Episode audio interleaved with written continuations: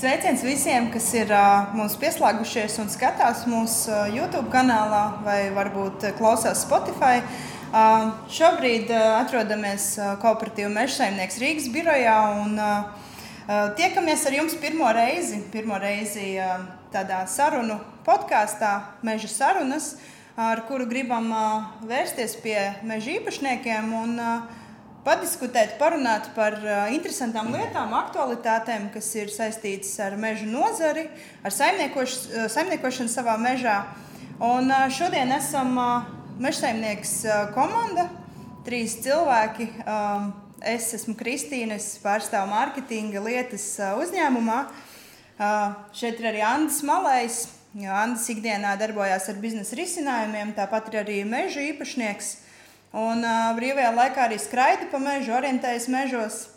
Un uh, savukārt Mārcis Saklaurs, uh, cilvēks, kurš um, ir um, ražošanas procesu uh, vadītājs meža saimniekā. Un, uh, cilvēks, kurš uh, kur īpašumā arī ir vairāki meži, kurš gudri cenšas saimniekot savos mežos, un uh, ir arī mednieks. Un uh, šodien mūsu podkāsta tēma ir meža atjaunošana. Um, Es varbūt tā nedaudz pastāstīšu, ka uh, es būšu tas, kurš droši vien uzdos varbūt tādus uh, vienkāršākos, uh, vienkāršotos jautājumus uh, par šiem meža atjaunošanas procesiem. Uh, Andris centīsies droši vien vairāk iedziļināties un kaut kādas varbūt detālākas lietas pajautāt Mārcim. Un ar visu šo mēs ceram, uh, ceram ka radīsim interesantu saturu mūsu skatītājiem un klausītājiem. Jā, labdien, labvakar, kā nu kurš klausās un skatās. Jā, es esmu Andris ar meža izglītību, bet uh, mums ir Mārcis, kurš ir daudz uh, dziļāku gan izglītību, gan pieredzi. Tādēļ uh, šovakar mēs esam aicinājuši Mārcis tieši padalīties par meža atjaunošanas jautājumiem. Bet pirms mēs to sākam, varbūt Mārcis varētu pastāstīt, uh, kāda ir viņa pieredze. Um, kā tu kaut ko uzzināji par mežu, kā tu iemācījies, kur tu iemācījies? Čau visiem! Uh, jā, man sauc Mārcis, un uh, es uh, esmu uzaugusi mežā. Droši vien būtu skaļi teikt, ja es teiktu, ka es esmu dzimis mežā. Bet uh, man ģimene bija saistīta ar mežu, uh, man izglītība ir saistīta ar mežu gan Latvijā, gan ārpus Latvijas. Un, uh, man profesionālā darbība ir bijusi saistīta visu laiku, no jau pirms skolas sola ar, ar mežu. Un, ļoti liels uzsvers ir bijis dabas aizsardzības lietām un vērtībām, kā un ko mēs ar mežu darām, kā apsaimniekojam.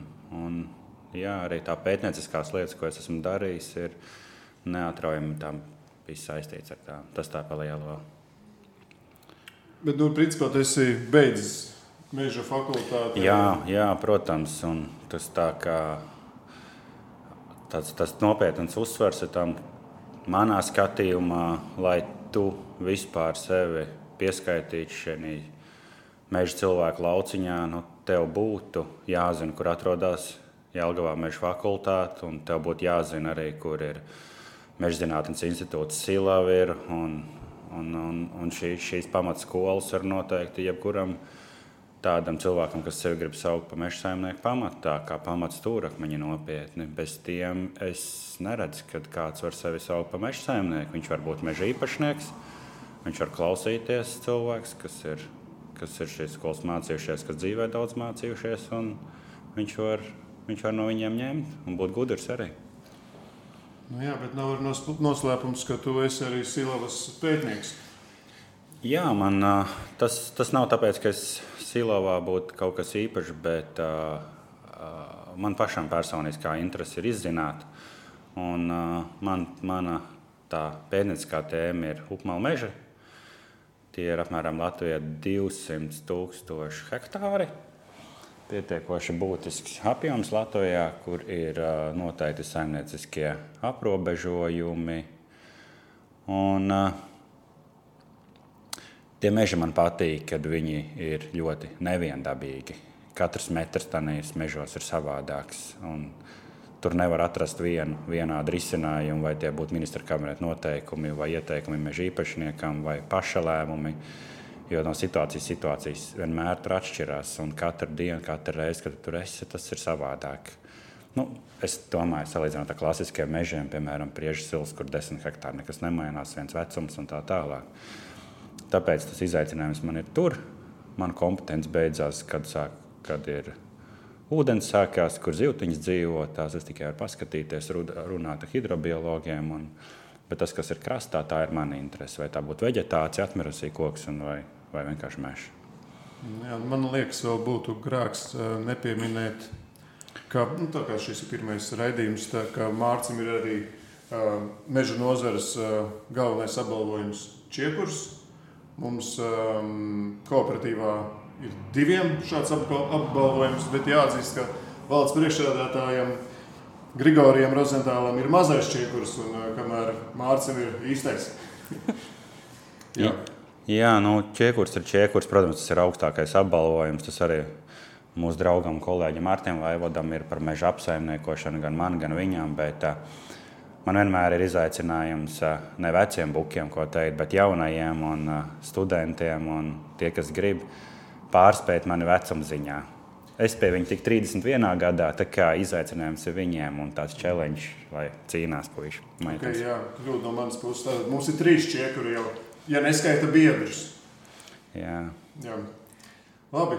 Nu, domāju, šodien, jā, šodien mums ir tāda diezgan liela skaļa tēma, meža atjaunošana. Un es kā cilvēks, kuram ir meža īpašumā, bet kurš nav līdz šim varbūt pievērsis pietiekamu uzmanību savam īpašumam, es gribu saprast, eh, ar ko man jāsāk. Kurš ir tas brīdis, kad man ir jāsāk domāt par meža apsaimniekošanu? Jo es, vai tas ir mans pienākums atjaunot šo te, uh, mežu? Kurš ir tas brīdis, ar ko man jāsāk? Es teiktu, jebkuram īpašniekam pirmkārt, vai tie būtu kaut kādi juridiski veidojumi ir vairākiem desmit tūkstoši hektāru vai īpašnieks, kam ir tikai 4-5 hektāri, pirmkārt nodefinēt, kas ir tavs mērķis.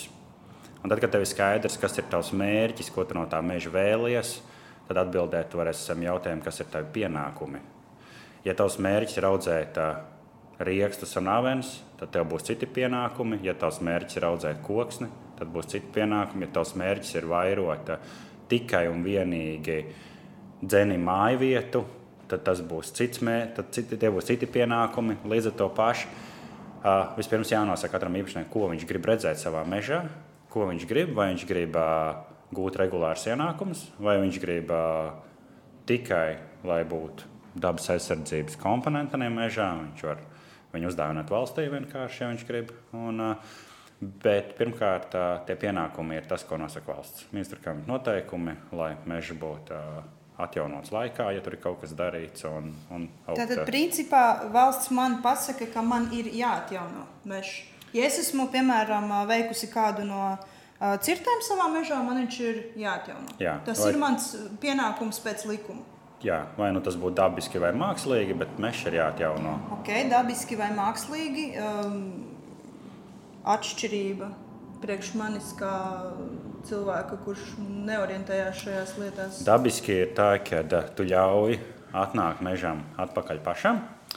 Uh, Latvijā, ja tu neko nedari uz asfalta 10, 15 gadus, tur pirmie bērziņi pat sāks parādīties. Tāpēc mēs esam tādā fantastiskā vietā, kur nav iespējams dabūt tūkstnesi ar kaut kādām drastiskām metodēm. Mežs vienmēr šeit atnāks vietā. Ja mēs Rīgas centrā atstāsim tukšu, dodiet laiku, un šeit arī būs mežs.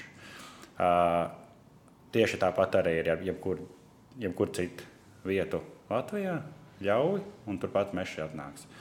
Jautājums ir, kas tur atnāks? Vai atnāks nekvalitīvs bērns vai baltāksns, kuri tev nesniegs būtisks ienākums nākotnē, vai, vai tu ņemi un atjauno mākslīgi. Tas nozīmē, ka cilvēks paņem stādaudzētāju nopērk stādiņus un iestāda mežā viņas iekšā, kop viņas un tev ir mērķiecīgi izvēlēt koku sugu, kas, protams, ir ģenētiski atlasīts materiāls, uzlabots, kur zinātnieki veltījuši vairāk gadu desmitus, lai tas materiāls būtu daudz, daudz labāks. Un, Un tad tādā veidā atjauno mežu. Okay, pēc šīs es sapratu, ka mans mērķis, um, veicot meža atjaunošanu, lai es uh, iegūtu ekonomisku labumu no šī meža, ilgtermiņā domājot, tad man ir jāatjauno viņš mākslīgi. Ja tu esi nodefinējis sev, ka tavs mērķis ir gūt ekonomisku labumu, tad uh, to var izskaidrot un parādīt Excel tabulās un grafikos, mm -hmm. kad vērtīgāk tev ir uh, ieaudzēt komerciālo koku sugu, dot viņai priekšnosacījumus, lai viņi tur izdzīvo. Un, uh, un to, ko meža zinātnē saka, ko skolā mācījies četrus gadus, un vēl divus gadus mācījies, kad kādā veidā tev jāapsaimnieko, lai tu nākotnē pēc tiem vairākiem gadu desmit gūtu to maksimālo pēļņu. Nu, lūk, un, un te ir arī mans nākamais jautājums, cik, cik daudz laika man ir jāvelta mežam, kurš ir tikko uh, atjaunots. Es nedzīvoju, piemēram, uz vietas šeit, es gribu dzīvot Kiprā, un uh, vai es varu atjauno, rūpēties par atjaunotu mežu, nesot šeit uz vietas? Noteikti. Tev būtu vai nu ir dažādi īpašnieki. Mēs esam Latvijā vairāk nekā 100 tūkstoši meža īpašnieki. Es teiktu, tā, ka tie, kas varbūt tādu detālāk kaut ko no meža saprot, ir viena desmitā daļa no visiem. Pārējie visi ir tieši, tā, tā, tieši tādi paši kā tu, kas vēlas dzīvot Kiprā, Lūdzā vai Rīgā. Viņam ikdienas steigā nav laiks ar savu mežu krāmēties un ņemties. Ja nu viņš lielākajā gadījumā sarunā kādu, kurš varbūt kaut ko nocirtīs, kaut kādu naudu gūs, bet reti kad viņam vairs rūp, vai viņš zina, kas ir vārds mežkopība. Tas nozīmē, rūpes par savu īpašumu, rūpes ieaudzēt kvalitīvu mežu. Un tādā brīdī ir atbilde tavam jautājumam, cik daudz laika esi pat gatava veltīt tam. Ja esi gatava pati braukt, stādīt eglus, kopt eglus, tas prasa daudz pūļu, daudz laika. Ja esi gatava kādam uzticēt to mežu apsaimniekot, kurš eh, sarunās eh, noslēgs līgumu ar kādu stādaudzētāju, dabūs stādiņus, sagatavo sarunās augsnes gatavotāju, sarunās stādītājus un tā tālāk, un, un meža apsardzību un aizsardzību veiks tur vai ar cervikols mērēs vai ar ko. Tas tev vienkārši prasīs daudz mazāk laika. Tas varbūt būs divi, trīs telefona zvani un, un atskaites iesniegšana valsts meža dienestā. Bet nu, tad ir stāsts līdz kādam profesionālam mežkopam. Bet, ja mēs paiet mazliet atpakaļ, vai vienmēr mums ir jāatjauno mākslīgi, ja, ja mūsu mērķis ir ekonomisks? Ja mūsu mērķis ir ekonomisks, noteikti nē. Klasiskā atbilde, ko man prasa īpašnieki, ir tas, kāds koks vai kas būtu jāatjauno. Es vienkārši saku, tā, paņēmu beņķīti, aizbraucu uz savu mežu un pasēdi. Pasēdi, paskaties, apgriezies pa 360 grādiem vēlreiz paskaties un vēlreiz paskaties, kas aug apkārt. Ja tev tas ir, pieņemsim, mētrājs, kur tu brauc lasīt brūklēns, kurā brūklēns jau vai aug, mellenes, nu, pieņemsim, lai saprastu, kāda ir, kāda ir vegetācija apakšā, un, un tur ļoti skaisti spriedzi savu. Bet tu redz, ka tev ļoti skaisti atjaunojas bērziņš. 3-4 metru garumā ļoti smuks slaids bērns ar Bet tu paskaties apkārt, un tu redz, ka starp tām priedēm arī ir lieli bērni, bet viņi ir visi kropli. Ja tavs mērķis ir audzēt malku, audzēt, tad turpini audzēt to bērziņu. Ja tavs mērķis ir finieru kluči vai zāģbaļķi, tad tu skaidri apzinājies, ka tas bērziņš kā jaunībā uzrāda rezultātus. Vecumdienās no viņa nekā īsti nebūs vairs. Tāpēc paskaties, ko saka lielie koki apkārt, un tad tu gūsi atbildi. Jo tā vietā, kur aug mētrs, tur skaidrs, ka ir smilts augsts apakšā Un, un, un bērnam lielā augumā vai vecumā pietrūkst tās barības vielas, un viņš parādīs to savā stumbrā. Tas, ko tu saki, respektīvi, mēs esam nocirtuši, mums ienākuši bērziņi, pieņemsim. Jā. Cerams. Jā. Veiksmīgajā gadījumā es apstos apkārt, rekomendēju tiešām smuki uh, slaidiem, uh, stumbriem bērzi. Es saku, ok, lai viņi Jā. aug. Lai viņi aug. Lai viņi aug. Ja tas bērns ir skaists, ja viņam nav stumbrs, vainas, pieņemsim, līķi, izteikti līķi stumbri, dubults galotnes vai kaut kādas tādas īpašas dīvainības. Varbūt tad, kad cilvēks iedomājas, varbūt ne tik kardināli piemēra, ka brauc liepais virzienā un tad labajā pusē ir tās darmštāts spriedzes, kur ir līgs grejs. Ne tik trakas, bet ka tu redz, ka no tā baļķa dēļ neizzāģēs. Tad skaidrs, ka šis materiāls konkrētajā vietā, ģenētiskais materiāls ir vājš. Dabiski turpināt šādu koku strādāt, nu, nebūtu prāta darbs Šī vietā vajadzētu vai nu mainīt koku sugu. Konkrēti, piemēram, ja ir augusi egle, nāk bērns, egle bijusi slikta kāda iemesla dēļ, piemēram, trupējusi, tad dabiski nāk bērns. Ok, mēs varam laist dabiski bērnu augšā, jo no eglis trupa nepārmetīsies uz bērnu. Tad pašā laikā tur no apziņas uz eglis var pārmesties tā tālāk. Tā kā tie jautājumi būtu pārunājami ar meža kopu. Tas, kurš ir mācījies, kas ir redzējis, kas ir sapratis, tas ir tāds jautājums, nu, nevien, nu neviennozīmīgs vienmēr. Bet māte daba mums pasaka pirmos vārdus priekšā, ko darīt tālāk. Tā. Jautājums, protams, ir, ko darīt slapjos uh, tipos, kuros desmit gadu laikā jāatjauno, kur var gan ilgi apdomāties, vai dara vai nedara tas, kas tur nāk. Tur var domāt ilgi, bet arī mežs domā ilgi. Un uh, jebkurš lēmums, ko mēs uh, termiņā atliekam, arī atliekas mežā.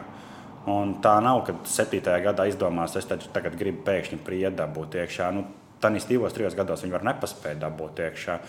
Jo nu, ja mums ir daudz diskusijas bijušas ar vecākiem vīriem, mežkopiem, tā, kad viņi man stāsta lietas, kam viņi nepiekrīt tam, ko es saku. Bet, ja mēs skatāmies tavu jaunību, kādi bija meža dzīvnieku postījumi pēc otrā pasaules kara, un tagad skatāmies, kādi tagad ir meža dzīvnieku postījumi, tad uh, mums ir jāpieņem arī šie argumenti. Un nevienmēr, kad aizies mežā, tu zinās, ka tur ir milzīga aņu populācija vai liela briežu populācija. Un, un varbūt tev ir tā vēlme atjaunot ar to priedi, ja neprasa ministra kabineta noteikumi. Tu gribi to priedu dabūt, bet tu nekā viņu nevar dabūt iekšā. Vakarā iztaigāja vienu no saviem īpašumiem, Tur ir tāds vēris starp vēri un dāmaks, un pietiekoši auglīgs tas tips ir. Un, uh, sastādīts skaists eglis, eglis aug un ir dabiski ienākuši priedīts pa vidu, un viņas viss ir atstāts. Pilnīgi visas tās priedes ir aļņu bojātas, un katru gadu viņi ir bijuši bojāti. Priedēm tā ir divi metri, un katru gadu tas sauns ir izdarījis tai priedai pāri. Skaidrs, ka tur nekāds baļķis no tās priedes nekad nebūs. Bet nu nav nodarījis eglītē pāri. Bet nav nodarījis eglītēm pāri, jā. Tieši tā. Mm. Jā. Slapjos tipos tad tieši tam tā atbilde varbūt aizpeldēja prom. Bet... Nu, jā, purvājos, principā es atvainojos desmit gadu purvājos, nevis slapjos. Protams, tur būtu mērķis dabūt to priedi iekšā, bet ir apstākļi jāsavērtē, kādi viņi ir. Nu, ir vietas, kur mums likums prasa. Tas jā. gan, jā, atjaunot ar priedi. Likums prasa sausajos, mazauglīgajos tipos. Mazauglīgajos, jā. Un tur arī ir, kad ir, man pašam pieredzē ir bijuši, kad ir apkārt skaisti priecaugi, sagatavo augsts un Mūsu draugi valsts meža, piemēram, stāda uzreiz priedi, sasmēra ar, ar aizsardzības līdzekļiem, lai buki neapgrauž. Bet es atkal tikai sagatavoju augsni vai vienkārši nu, ar uh, pievadēju traktoru uh, uzvirdinu to augsnes virskārtu. Un uh, prieda apkārtējiem audzēm dabiski ienāk un ļoti veiksmīgi ir ienākusi ir vairākās vietās. Un, ja tās, ja tās, tās, tās cirtas nav bijušas uh, nu, kaut kādas lielākas, bet līdz diviem hektāriem, lai tās sēkliņas spēja iekrist tur apkārt, un ļoti veiksmīgi tā prieda atnākusi dabiski. Un tā, kas ir dabiski, viņi ienāk uz konkrētajā vietā, kur aļņi daudz dzīvojas, tā negaršo tik ļoti. Pret tai, kur atvest ir no stādaudzētājs. Un tā kā ja mums īpašnieks uzdod jautājumu, kāpēc tik ļoti garšo, es saku, tad paņem konfešu paku un aizies bendārs un izbēr bendārzā un prasa, kāpēc jūs te visi saskrējuši esat. Nu, nu, tad arī būs atbildi par aļņiem un, un stāda audzēto spriedu. Klau, man, ir, man ir tāds jautājums, un es ceru, ka es neesmu vienīgā, kam tāds jautājums ir. Vai es savā mūžā, ja es esmu nozāģējusi, izcirtusi mežu, atjaunojis viņu, vai es varu sasniegt tādu meža, nu, nonākt līdz tādam līmenim, ka mans mežs atkal ir spējīgs man nest kaut kādu ekonomisku labumu. Jo manā izpratnē mežs aug ļoti ilgi, un pat, un pat neminēsim gadus, ļoti ilgi. Un, uh, un mans jautājums ir, vai es uh, nu, atjaunošu, nu, izaugs labi, bet vai izaugs priekš manis? Jā, tas, tas, tas vienmēr ir būtiski, ka tam, kurš cilvēks nodarbojas ar mežu, jāsaprot, ka tas ir ilgtermiņa pasākums. Ir. Bet vai mēs varam gūt ienākumus savā mūžā? Simtprocentīgi. Ja vien tev nav 84 gadi. uh, bet, uh, bet arī tāda. Arī tāda var. Arī tāda var, jā. Un, uh, bet, nu, ja mēs runājam vēl joprojām, es nerunāju ar jauniešiem, bet ja es runāju ar 50 gadniekiem, tad es saku, ka droši tu vari pirmos ienākumus vēl arī gūt. Uh, ja tu esi attaisījies vismaz pensiju sasniegt, tad, tad, tad, tad, tad tu vari gūt. Stāsts ir vienkāršs. Ja tu ieaudzē mežu, piemēram, tiestāda eglis, tu viņus kop, veic trīs kopšanas, piemēram, jaunāču kopšanas un agrotehnisko kopšanu, tad Es pieļauju, es pieļauju, bet piemēra dabā mums jau rāda, ka 17 gadu vecumā aptuveni tu vari veikt pirmo krājas kopšanu un iegūt kokus no 30 līdz 50 kubikmetriem. No kas ir kas, no hektāra, kas ir varbūt jau ir mieti, papīra malka, varbūt kāds atsevišķs tie vai zaļbaļķīts jau ir, kas atgūs šī situācijā, atgūs iegul, ieguldītos izdevumus tad, kad tu stādi tos visus izdevumus šī pirmā krāsa kopšanā atgūst. Tad tādā vecumā tu esi nulles pozīcijā. Uh mhm. -huh. Pēc septiņiem gadiem es plānoju vēl vienu krāsa kopšanu, arī ar, ar tiem 50 kubikmetriem. Un tad jau tu vari domāt par savu balī vai malibu vai vēl kaut ko. Izklausās, ja? izklausās labi. Tas neizklausās labi. Mēs varam braukt mežā un es varu rādīt piemērus. Bet, ja tu neko nedarīsi, ļaus augt baltaugsnim, ļaus augt uh, trupējušai apsai, tad noteikti var nesapņot mm. par balīti, bet uh, pa savu naudu aizbraukt līdz Viļņai. Tam, ja? nu, apmēram tā. Nē, tad droši vien jāņem vērā, ka dažādi auglības meži, nu tad auglīgajos loģiski aug ātrāk. Jā. Jā. Bet arī neauglīgai, nu, maza, ne, tie nav neauglīgi, bet tie ir mazāk, nu, teiksim, jā, mazāk auglīgi tipi, kur, ir, uh, kur nav tās, tās barības vielas, bet tur atkal, piemēram, aug veiksmīgi priedi Un tāpat priet 20 gados fantastisks rezultāts rāda, ja mēs ļoti labi ar viņu saimniekojam, mēs spējam draudzēties ar, ar medniekiem, kuri mūs pried aizsargā, un, un, un viņi var izaugt. Jā, arī arī, arī tādās nabadzīgajos. Varbūt grūtāk ir mitros tipos, kas ir nu, īpaši slapji. Un, uh, tur varbūt neienāk tas koks tik ātri, viņš tik ātri neaug. Bet uh, vietās, kur piemēram tas melnāks aug, tur atkal ir ir efekts ļoti labs. Un, nu, tur ir grūtāk tikt to stākumu dabūt. Bet tad, jau, kad tas koks audzēs, tad jau vajadzēs. Jā, tad, protams, parādās meliorācijas noderīguma tēma, bet tā noteikti būs kāda atsevišķa podkāsts, es ticu. Um. Es, um, es vēl gribēju prasīt, cik apmēram izmaksā, kas ar ko man jārēķinās, ir kaut vai uz hektāru. Tas vispār apmēram. ir atjaunošana, tā laikam jāpēc. Jā, jā. Kas vispār ir atjaunošana? Ko, ko tas ietver? Atjaunošana noteikti pateiks mūsu ministra kabineta noteikumi, bet atjaunošana nozīmē to, ka konkrētajā vietā ir konkrēts kociņu skaits.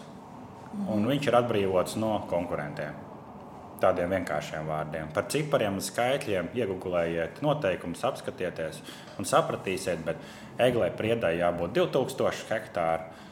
Priedai 3000. Priedai 3000 un eglē, eglē bērzam 2000 precīzi. Un, un tā brīdī, kad to kociņu skaits tur ir, tur raksta mežzenēm pārskatu par atjaunot, un tad, tu, tad viņi tiek atzīti vai dabiski vai mākslīgi. Ko tas ietver naudas izteiksmē? Ja tu viņu laidi dabiski, tur sanāk kociņi, teiksim, pēc trim gadiem, dažādi no metriņa līdz diviem metriem, kā nu katrs to izkop, samaksā tam puisim 200 eiro hektārā, un, un tad ir tad ir gatavs un viss kārtībā. Ar tādu koku sastāvu, kāds tur dabiski ir ienācies.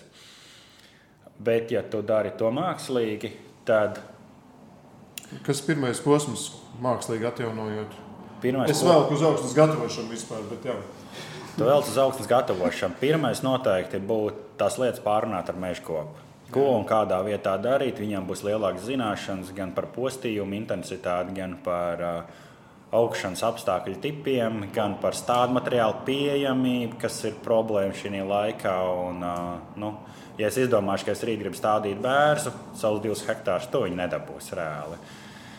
Bet, ja tev ir skaidrs jau plāniņš, ka tu gribi tur ieaudzēt kvalitīvu, augstvērtīgu mežu, atrod savu meža kopi, runā ar viņu, stāsti, un tad meža kops tev ieskicēs to, ka augstnes gatavošana maksā no 150 līdz 200 eiro.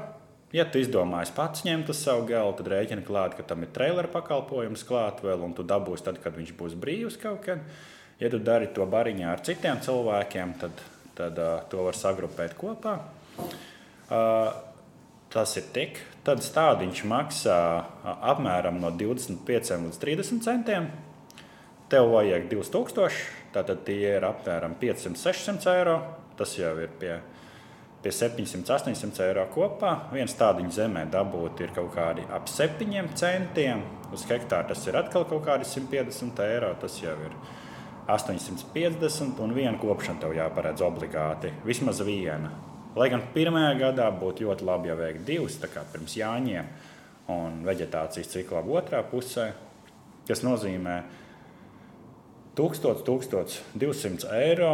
Tev vajag pirmajā gadā izdevums atvēlēt tam, lai tu dabūtu mežu. Tad, ja tu iedomājies, es nocirtus vectētiņu rūpīgi audzētās eglis, dabūjus, piemēram, 5 vai 15 vai 25 tūkstoši, tad hektāram atlicina 1000 eiro kā minimumu pirmajā gadā, ko atlikt atpakaļ mežā. Tā kā tā, kaut ko iztērē kolā un čipšos, bet atceries, ka daļā atliek atpakaļ mežā. Bet, ja es esmu skops un izdomāju, ej, negatavošu augstu. Es jau varu iestādīt tāpat, arī negatavot augstu. Tu vari izdarīt tā. Zinu, mežkopis, kur ir tā dara, bet viņa argumentācija vienkārši piestādīšu atkal klāt. Līdz sasniegšu to skaitu atbilstoši noteikumiem, un tad es varēšu nodot. Bet jārēķinās ar to, ka uh, uh, tur ir milzīga konkurence, noēnojums, un tas kociņam daudz lielāks nu, risks ir vispār izdzīvot. Ja viņam mēs sagatavojam augsnību, un ieliekam tādā dārziņā skaistā, tad tam kociņam ir iespēja izdzīvot. Tas tieši tāpat kā nu, dārzā. Tu vari aiziet pļaus vidū un teikt, es tagad stādīšu burkānus. Nu, Un, un es sagatavošu augstu, uzvēršu sakultivēšanu, iestādīšu burkānus, un tad rudenī sacentīsimies, kam labāk burkānu rāžu būtu. Nu, pieņemsim, tas tā triviāli izklausās. Ļoti, ļoti labs piemērs. Jā. Bet, bet apmēram tā. Vai arī nu, tieši tāpat kā zemnieks. Lai, lai viņš rudenī gūtu foršu kviešu ražu, viņam ir milzīgs darbs jāiegulda. Vai arī tos kviešus var vienkārši aiziet pļāvā, izkaisīt, un tad rudenī aizbraukt tīrumu kombināciju un prasīt, kas tad man tagad, tagad būs, cik tonnas, 9, 10 tonnas man būs. Nu, nekā nebūs. Varbūt kāda vāra būs izdīgus. Tas arī viss. Mežā identiski. Jā, es piekrītu. Šobrīd cīnos ar 1,5 hektāru platību, kur uh, nesagaidīju augstnes gatavotāju. Trīs gadus jau mūkos. Nu, droši vien vēl trīs Jā. gadus mocīšos. Ja neizdomāšu vienkārši paņemt augstnes gatavotāju un sākt visu no jauna. Jā, un uh, tad nākamais, bet varbūt tas ietaupa uz uh, agro, agrotehnisko kopšanu. Vispār pasaka, kas ir agrotehniskā kopšana. Es, te, es, tieši, grib, es tieši gribēju teikt, kad mēs jums redzējām terminu sākumā izstāstīt, uh, lai neblandītos. Uh, agrotehniskā kopšana ir tajā brīdī, kad tu atbil, at, atbrīvo lakstaugus. Nu, vienkārši nopļauj smilgas, puķis apkārt, nopļauj uh, ap kociņu, lai viņas rudenī, kad uh, nu, Puķis varbūt izklausās briesmīgi, bet, eh, bet lakstaugi vienkārši rudenī, kad ir maza eglīta auga. Ja mēs viņus neatbrīvojam, viņi ar sniegu vai ar slapju, zāli, slapju nu, lietus vai kas uzgulsies eglītē virsū, nospiedīs to eglīti un viņi vienkārši nopūst tur apakšā zem to, to kūlu, var teikt tā. Bet, bet, ja mēs viņu atbrīvojam, veicam agrotehnisko kopšanu, eglīte stāv, viņa pārlaiž ziemu veiksmīgi un pavasarī atkal var augt augšā. Tā ir agrotehniskā kopšana.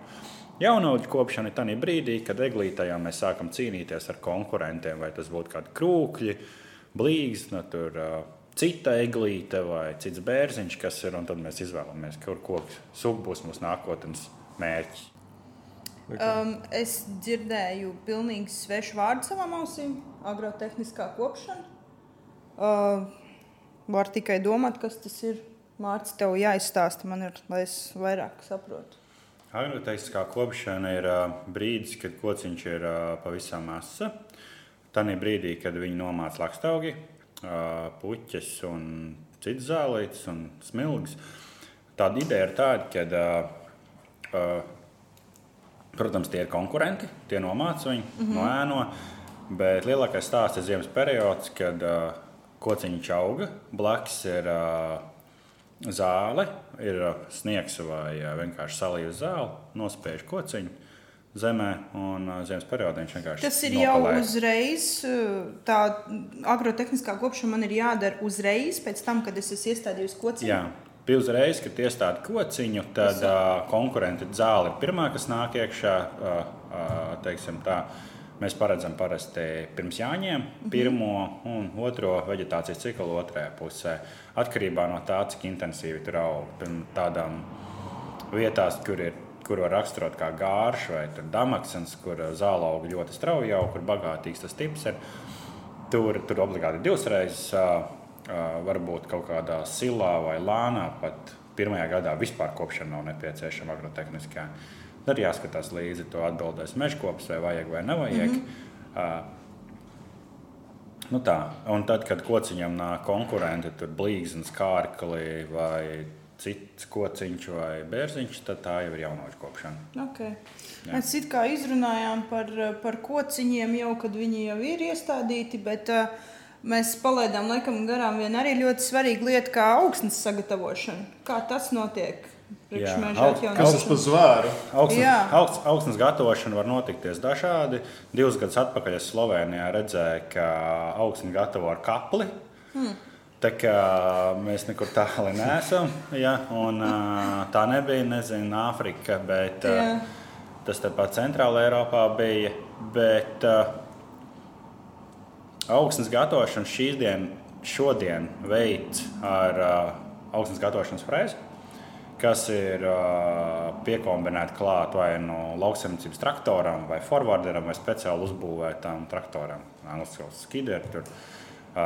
Bet nu, tā tehnika vērtēsim tā tur. No, no 8 līdz 28 tonnām smags dzelzceļa dzelzgabals, mm -hmm. dārgi maksā. Un tā frēze ir tāda liela divi diski, kas griežas, un tad viņi lēni gar aizmugurē rotē. Uh, un uzstājas divas tādas vāciņas. Tas nav tā kā lauksaimniecības arkli, kad uzmet vēl lēni, bet viņš rotācijas kustībā viņa sagriež un, un uzstājas tādu nelielu vadziņu. Okay, tā kā uzirdina. Jā, noņem augstnes virsmu. Noņem okay. augstnes virsmu, kā to trūdvielu slānīt, noņem nost un samājas varbūt jau ar minerālu augstni atkarībā no tā tipa, vai, piemēram, ja mēs lauksaimniecības zemē gatavo, tad arī uztais tādu uh, vadziņu un tādu pacilu uzstājas, kur uz to kantīti tās eglītes stāda. Bet ir nepieciešams kaut kādas palīgvielas, kas, kas palīdz tai augsnē. Nu, es, es, es uzreiz lieku kopā ar dārza sagatavošanu. Un, uh, un mēs zinām, ka mēs liekam visādas palīga vielas, lai, lai tur mums labāk kaut kas ieaugtos, lai labāk augtu, lai gal galā būtu superforša raža rudenī. Vai mežam mēs arī palīdzam ar, kādiem, ar kādām vielām, materiāliem, kaut ko liekam turklāt? Jā, uh, Latvijā īsti nē. Mums ir. Uh, Es gribu teikt, ka mums vispirms ir mājas darbi jāizdara pavisam vienkārši, kad uh, sāksim ar uh, to pašu, ka mēs to augstu sagatavojam, to kociņu iestādām. Uh, Bet uh, Eiropā, piemēram, vietās, kur ir, uh, nu, arī, uh, kur ir daudz tiek kurināts ar, ar, ar malku, ar šķeldu, ar granulām, rodas uh, atkritumi, kas ir pelni. Mm -hmm. Viņi tiek izmantoti visādām inovatīvām metodēm, ceļbūvniecībā un tā tālāk. Bet tie pelni var tikt atgriezti mežā kur viņi var būt kā uh, bagātinātājs, kā, kā, kā minerālu vielas tā tālāk. Nu, mūsu silos pētnieki, kur uh, man favorīti mm. zinātnē, meža zinātnē, Dagnī, uh, rādīja vienu piemēru, kur uh, kūdras augsnē ir pievienoti pelni, kur ir, uh, manuprāt, ķīmiķis nesmu, bet kur ir uh, visi mandaļēju tabula. Uh, nu, pieļaujamas normās, protams, jo tie paši pelni jau no meža ir nākuši, tās pašas kārkls un, uh, un eglis galotni sadedzināti, un viņi tiek aizvest atpakaļ. Un, un momentāni egli parāda rezultātus, ka tā kūdrs zemīte, viņa varbūt organika ir milzīga, bet ir elementi, kas trūkst. Un Latvijā ļoti daudz, kā lauksaimniecībā, zeme ir forša, viss aug, tad trūkst, piemēram, kālijas vai mangāns vai kaut ko. Momentā rudzi vai kvieši uz to norēģēs. Tieši tāpat arī kokiem mežā. Kaut kas viņam trūkst, bet tad, kad tu pievieno, uzreiz ir bums. Un tās gadsimts ir no milimetra uzreiz 4, 5, 6 mm aiziet. Tā ir nu, augstnes ķīmija, tas jau ir nākošais stāsts. Mm -hmm. Tu jau runā par pieaugušiem kokiem, nevis Jā, nu, bet, prot, protams, bet nu, tā analoģiski mēs varam skatīties uz uh, kviešu lauku, kad kvieši ir teiksim, 2 cm vai kvieši ir jau kaut kādā varbūt jau tuvu vārpošanas stadijai. Pieņemsim, nu, tad katrā brīdī kaut ko viņš tas augsts pasaka, kas viņam trūkst, un to agronoms zina un, un iedod. Mežkopībā tik tālu mēs neesam aizgājuši, bet nu, Zviedrijā ir daudz, daudz pētījumi, un, kuri, kuri parāda nu, efektivitāti šīs lietās. Mm -hmm. Bet, nu, tomēr man kā praktiskiem latviešiem to jautājumu gribās um, uzdot. Nu, es nevaru ietaupīt uz tām agrotehniskajām kopšanām un jaunaudžu kopšanām. Nu, es eglīti iestādīšu, viņa tur ēncietīga. Mm. Pati, pati izcīnīs jā. savu vietu. Mm. Un, un es būšu ietaupījis tos 150 eiro vai pat vairāk, kā nu kurā vietā uz hektāru. Es domāju, ka noteikti ka tu vari ietaupīt, bet uh, nākošā gadā tu redzēsi, ka tev eglītes jau vairs nav vai viņi ir pavisam maziņi nīkuļojoši, un uh, tad tu gal galā neko nebūs ietaupījis, tu būsi pārmaksājis dubultā. Mm. Tas ir, tas ir tāds koks ar diviem galiem, un es teiktu, ka īsti neko tu tur nevar ietaupīt. Kad, ja darbiņš ir jāizdara, tad viņš jāizdara līdz galam. Ja tu mēģināsi kaut ko skatīties pa labi, pa kreisi, tad nē. Viena gan lieta, ko es ar savu pieredzi daru, un es arī nebaidos rādīt, stāstīt, Es, protams, neesmu ideālais varonis, un, un man, manos darbos ir bijuši virkni kļūdas, ko es pats ar savu kabatu esmu samaksājis. Un tas man ir audzinājis. Un, uh, es daru tā, ka es, piemēram, atjaunoju egli nevis ar 2000, bet es atjaunoju ar 1400. Lai man uh, valsts dienas viņu atzītu par mākslīgi atjaunotu man ir nepieciešams skaits kociņu, lai, kas ir mākslīgi, un pārējos es vienkārši dabiski stādu. Vai arī iztraudzē piestādu bērnu, dabiski ļauj ienākt baltauksnim vai kādai citai koku sugai, kur kopjot lēnām es viņu izņemšu ārā.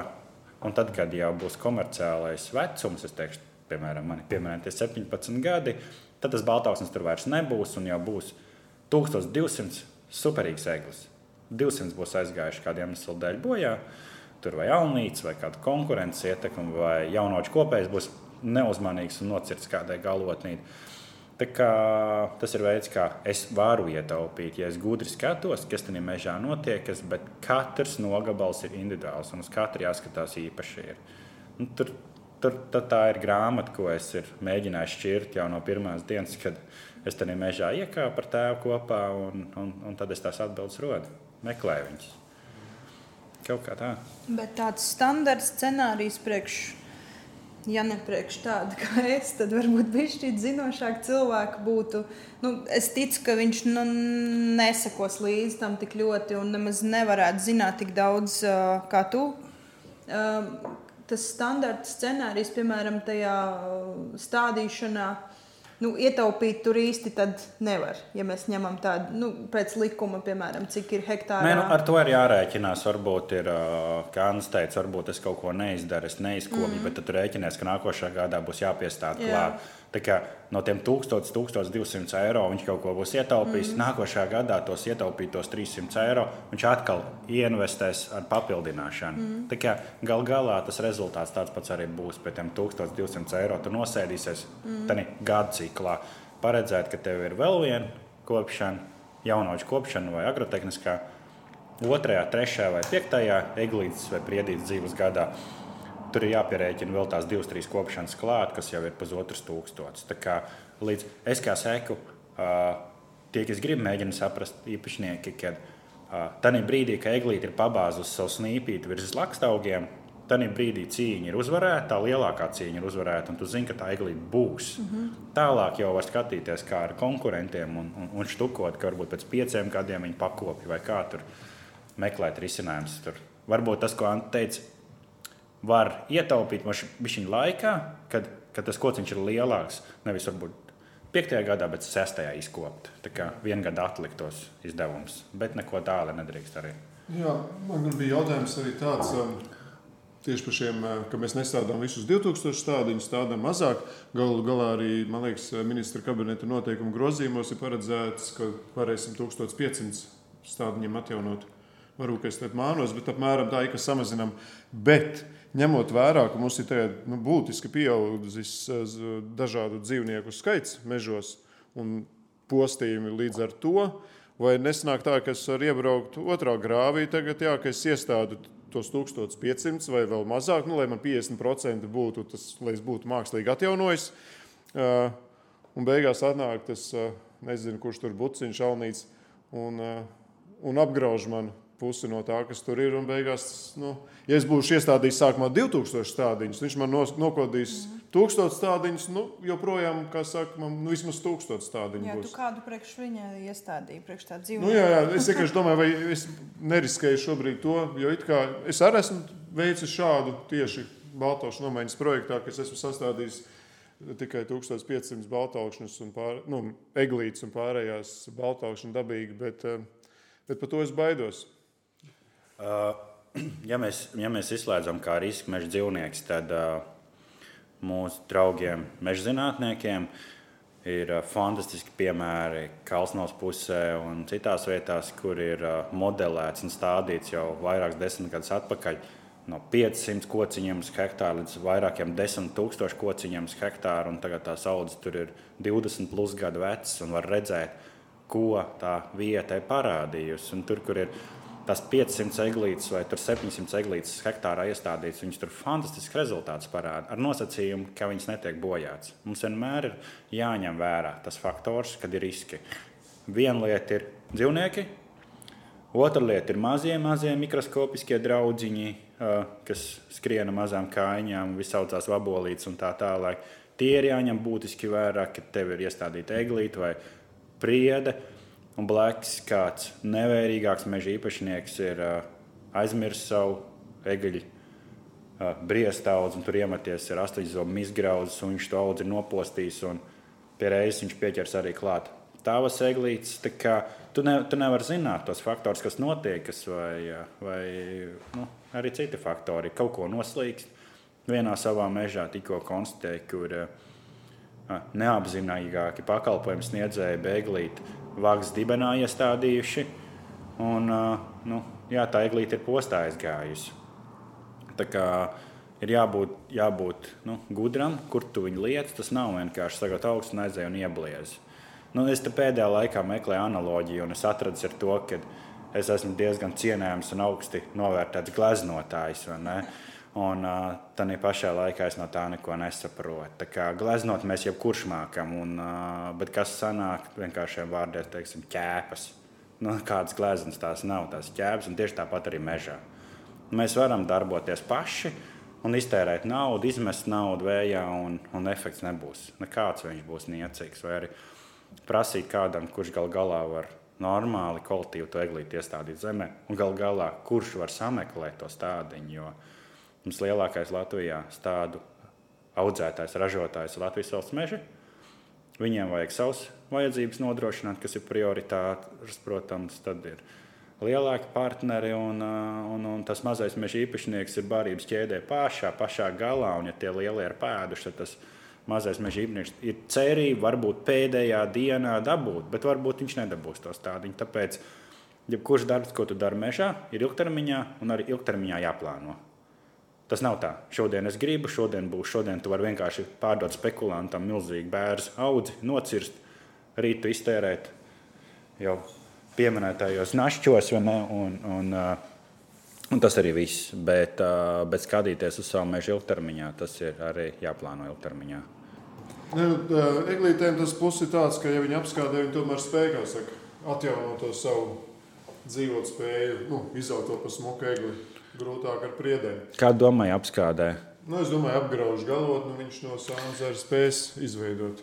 Nu, jā, eglīti var no sānzara izveidot, bet, ja viņai ir postījums jau augušai, tad, kā, nu, jā, tad, tad, tad... Mēs, mēs šobrīd domājam par atjaunošanu. Mēs runājam vairāk par, par šo eglīti, ah. 30 cm, mm. 50 cm.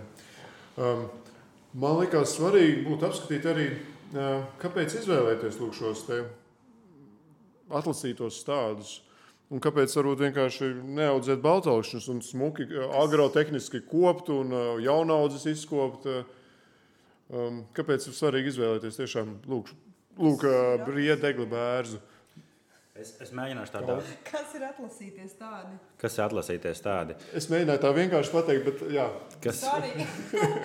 es domāju, ka citā reizē mēs droši vien varētu runāt ar, ar, ar mūsu mežzinātniekiem. Uh, Arngailu vai Jurģu Jansonu vai Āru Jansonu, kas, kas noteikti izstāstīs, kā pareizi tas būtu. Bet es ar saviem vienkāršiem vārdiem zinu, ka tas nav pareizi, kad uh, ir, uh, ir kāda parauga audze, kas bijusi kaut kādu laiciņu atpakaļ vai tagad, un no tiem kokiem ir paņemti paši labākie. Sēkliņas no pašas, no tās labākās priedes ir paņemts sēkliņas, vislabākās.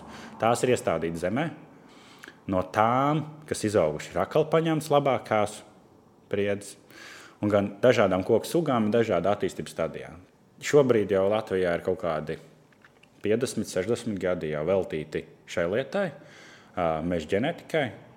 Un, uh, tur ir gan bērns, gan egli, gan, gan, gan priede šīs pētījumos iet. Un dabā, es, es tā kā varbūt, lai vienkāršiem pa visiem vārdiem pateikt, varbūt šobrīd šie ir mazbērni. Labākie no labākajiem un vēl no labākajiem atlasīti. Uh, bet, Pārāki, mēs es, es, es, es, es zinu, ka Jā. Tie puiši nepiekritīs tas, ko es stāstu, bet uh, viņi var noformulēt daudz precīzāk, bet viņi ir tie labākie no labākajiem. Un, ja to mēs gribam redzēt kā vienkārši skatītājs mežā, tad, piemēram, ja ir atjaunojies bērns dabiski, tad tu redzi, ka tur no, piemēram, tūkstoš kociņiem diezgan lieliem daudzumam ir uh, dubults galotnis, ir kādas stumbra vainas, līkumiņš tā tālāk, diezgan daudziem kokiem. Viņš diezgan vēli arī atzarojas. Ja mēs iestādām šo augstvērtīgo materiālu, tādu materiālu, tad šādus ah, mazāk kvalitīvus kokus mēs redzam dažus. Tas nozīmē, ka daudz lielāks finieru kluču iznākums būs šī cirtē. Piemēram, mūsu viens no meža īpašniekiem, Latvijas pārstāvjiem, Latvijas finieris. Ja, viņi nopērk mežu, nocērt finieru, nu, nocērt bērnu un iestādi bērnu vietā. Neļauj dabiski nākt, bet iestādi bērnu vietā. Tur tā pašā vietā, kur tas bērns nāk, viņi domā par kvalitīvu materiālu izaudzēt. Viņi domā, ka viņos mežos viņi neaudzēs papīra malku vai kamīnu malku, viņi audzēs finierkluču. Tas ir šī īpašnieka nostādītais mērķis. Kāpēc papīra malka nav laba? Jautājums, vai tu, vai tu vēlies no sava meža kvadrātmetra, savas zemes kvadrātmetra maksimizēt iegūstamo vērtību? gūt maksimālo to peļņu. Tu jau vari neaudzēt, pat bērns to var audzēt lazdu. Kas tad lazdē vainas atbildēšu? Tas ir tas, ko mēs atgriežamies sarunā sākumā. Kas ir tavs mērķis? Jā. Un labākā kokā, notrīgākā kokā, kas paliks ilgāk, daudz labāk izvēlēsies arī putns sev līgstos būvēt gal galā. Vai arī dzēns varbūt nešķiros līgs vai taisns bērns ir, bet, bet nopietnākā nu, kaut kā izvēlēsies. Tā. Vai es šādus stādiņus um, atlasītos labos varu iegādāties Latvijā? Ja es gribu stādīt Latvijas mežā, vai man, jāstā, vai man jāpērk tādu Latvijā? Ir? Vai ir kaut kāda iespēja, ka priede no citas valsts šeit var kaut kādā mērā neiejaukties, ja vien tas nav tāds kā citā à. kontinentā vai kur milzīgs augsnes atšķirības. Sarunas sākumā pieminēja to Darmštats spriedi, kur varbūt viņi tur vādzemē aug labāk. Pārvadot uz šejienes, rezultāti ir absolūti bēdīgi. Un, uh, tas nav vienīgais piemērs Latvijā.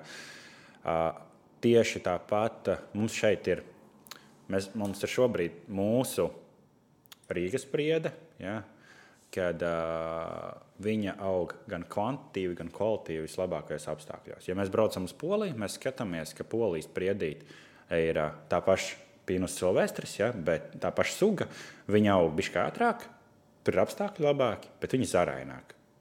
Viņa ātrāk aug zaraināk. Dēls īstenībā nesanāk. Somijā tā paša priedīte, tas pats Pinus silvestris, aug atkal uh, lēnāk, bet kvalitīvāk. Tas dēls varbūt no loga no viņa var saražot atkal.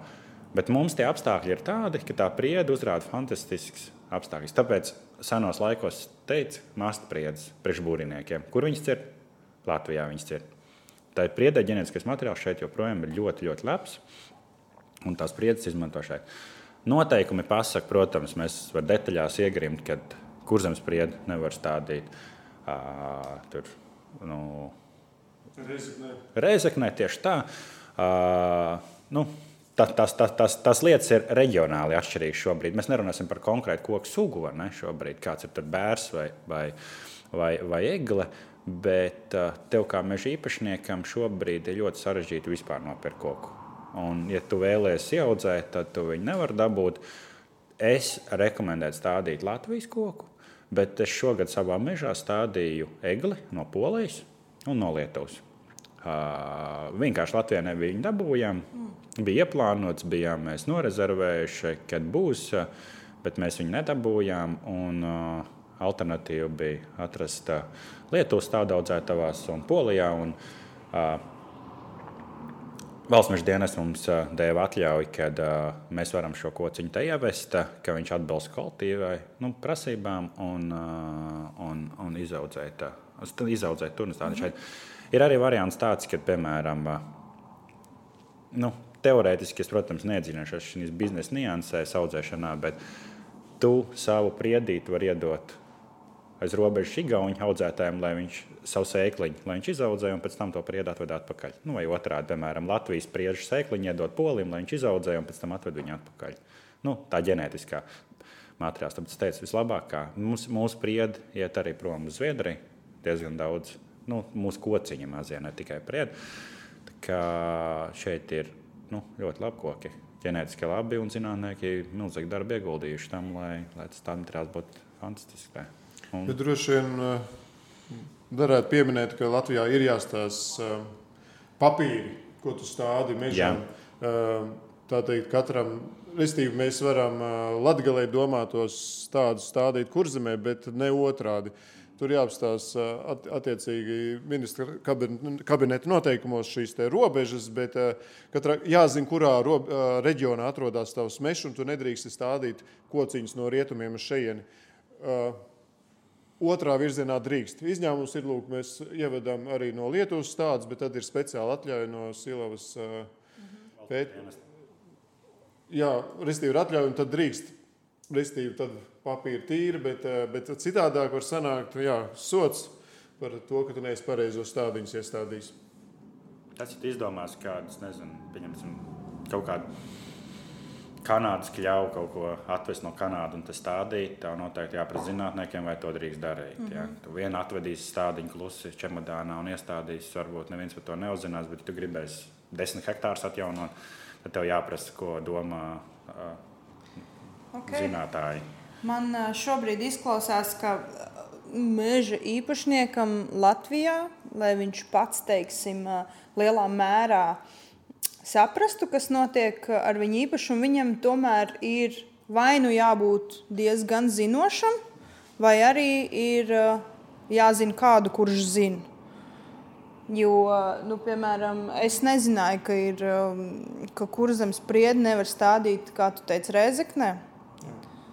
Es nezinu, var jau būt, ka cilvēki to zina, bet uh, ne, es nezināju. Tāpēc kādam ir, kādam ir jāuztic, varbūt. Uh, kurš to var izdarīt un kurš var audzēt tev to meža vietā.